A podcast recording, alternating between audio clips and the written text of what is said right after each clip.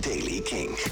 Nieuws over Blink-182, Billie Eilish en het Primavera Sound Festival. Dit is de Daily King van donderdag 28 mei.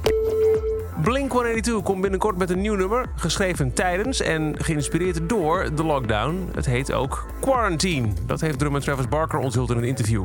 Ergens de komende twee weken moet het uitkomen. Not My Responsibility is de naam van een korte film die Billie Eilish heeft gemaakt over bodyshaming. De film was te zien tijdens haar wereldtour, die momenteel stil ligt vanwege corona. En nu heeft ze de film dus online gezet, zodat iedereen toch de boodschap mee kan krijgen. Billy heeft haar hele leven al last van bodyshaming. En in de film zie je hoe ze langzaam haar kenmerkende baggy kleding uittrekt. Terwijl ze dingen zegt als: Als ik draag wat comfortabel is, dan ben ik geen vrouw. Maar als ik de lagen uittrek, dan ben ik een slet. Ook al heb je mijn lichaam nog nooit gezien, je veroordeelt het en je veroordeelt mij. De hele film is te zien op YouTube.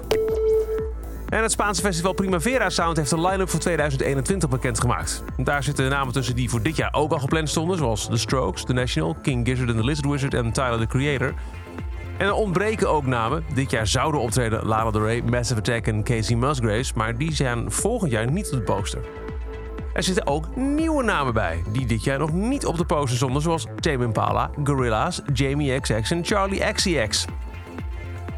Interessant. Primavera Sound staat nu gepland voor 2 tot 6 juni 2021. En als je een beetje hebt opgelet, dan hoor je namen die zowel dubbelen met dit jaar Best Kept Secret als dit jaar Down the Rabbit Hole.